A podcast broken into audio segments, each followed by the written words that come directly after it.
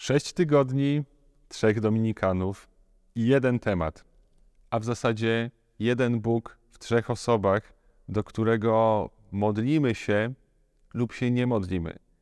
I ta seria ma pomóc y, nam, zarówno nam, którzy głosimy, jak i Wam, którzy będziecie słuchać tego, y, co będziemy mówić, żeby się modlić, żeby spotykać się z jednym Bogiem w trzech osobach.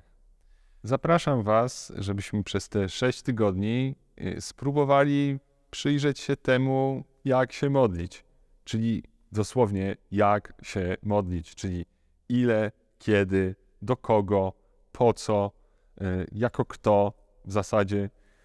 Zapraszam, żebyśmy nawet nie tyle wyruszyli w drogę, co spróbowali zasznurować buty, żeby te nasze wspólne próby tego, żeby mierzyć się z modlitwą, e, mogły e, przynieść efekt.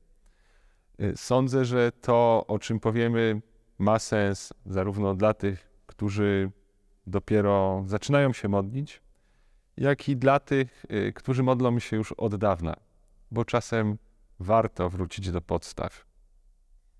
Szczęść Boże, witajcie.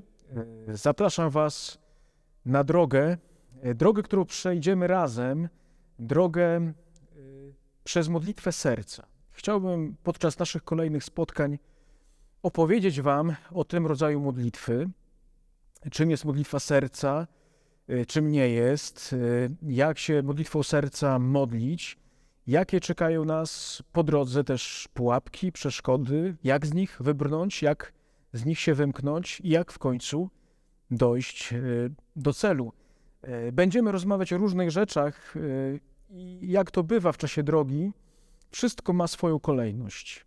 I na początku chciałbym opowiedzieć, czym jest modlitwa serca, czym w ogóle jest modlitwa, czym modlitwa nie jest, po to, żebyśmy wykonali ten pierwszy krok, który pozwoli nam później przechodzić do kolejnych etapów. Potem, kiedy poznamy czym jest modlitwa serca, dlaczego ta modlitwa w taki sposób jest określana, yy, przejdziemy dalej. W jaki sposób ta modlitwa wygląda, jaka jest jej dynamika, yy, co rozumiemy, yy, co stoi za tą modlitwą, kim jestem ja, a kim jest Bóg w tej modlitwie. Później przejdziemy do tego, co nazywamy ascezą w modlitwie. Dlaczego asceza jest tak ważna? Dlaczego nie możemy jej pominąć? Jak ją właściwie praktykować, żeby nasza modlitwa była coraz bardziej owocna. Y, w kolejnym spotkaniu powiemy o kontemplacji Bożego Słowa. Dlaczego Słowo Boże, Pismo Święte, ma tak ważne miejsce, tak ważną rolę w modlitwie serca.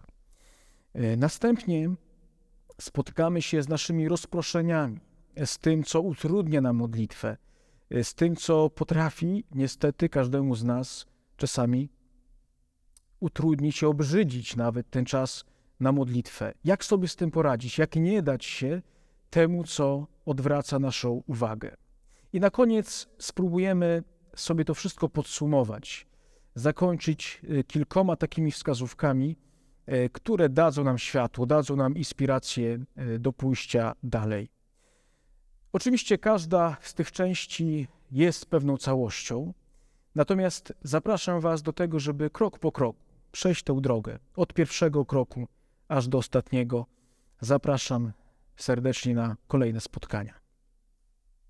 Chciałbym Was zaprosić w niezwykłą podróż do starożytnego Egiptu, mniej więcej w IV wiek e, na pustynię, e, żebyśmy spotkali się z ojcami pustyni. Kim oni byli? Byli to e, prekursorzy życia monastycznego, pierwsi mnisi, którzy, można powiedzieć, że dla nas przetarli pewne szlaki w życiu duchowym, sami ucząc się na własnych błędach, e, postępowali na drodze modlitwy, życia wiarą. E, I całą tę mądrość, no może nie całą, ale część z nich zostawili nam w historiach zwanych apoftegmatami. Podczas naszych sześciu spotkań spotkamy się z sześcioma historiami z życia pustyni, które bardzo wiele mogą nam powiedzieć coś o naszym życiu, o życiu modlitwy, bo pierwsi mnisi byli też do szpiku kości zwykłymi ludźmi, którzy zmagali się ze słabością ludzkiej natury i w tym cała nasza nadzieja.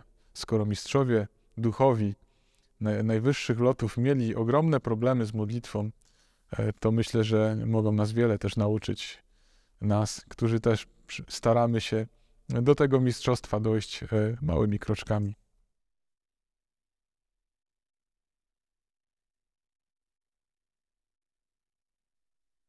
Dziękujemy, że wspierasz dominikanie.pl.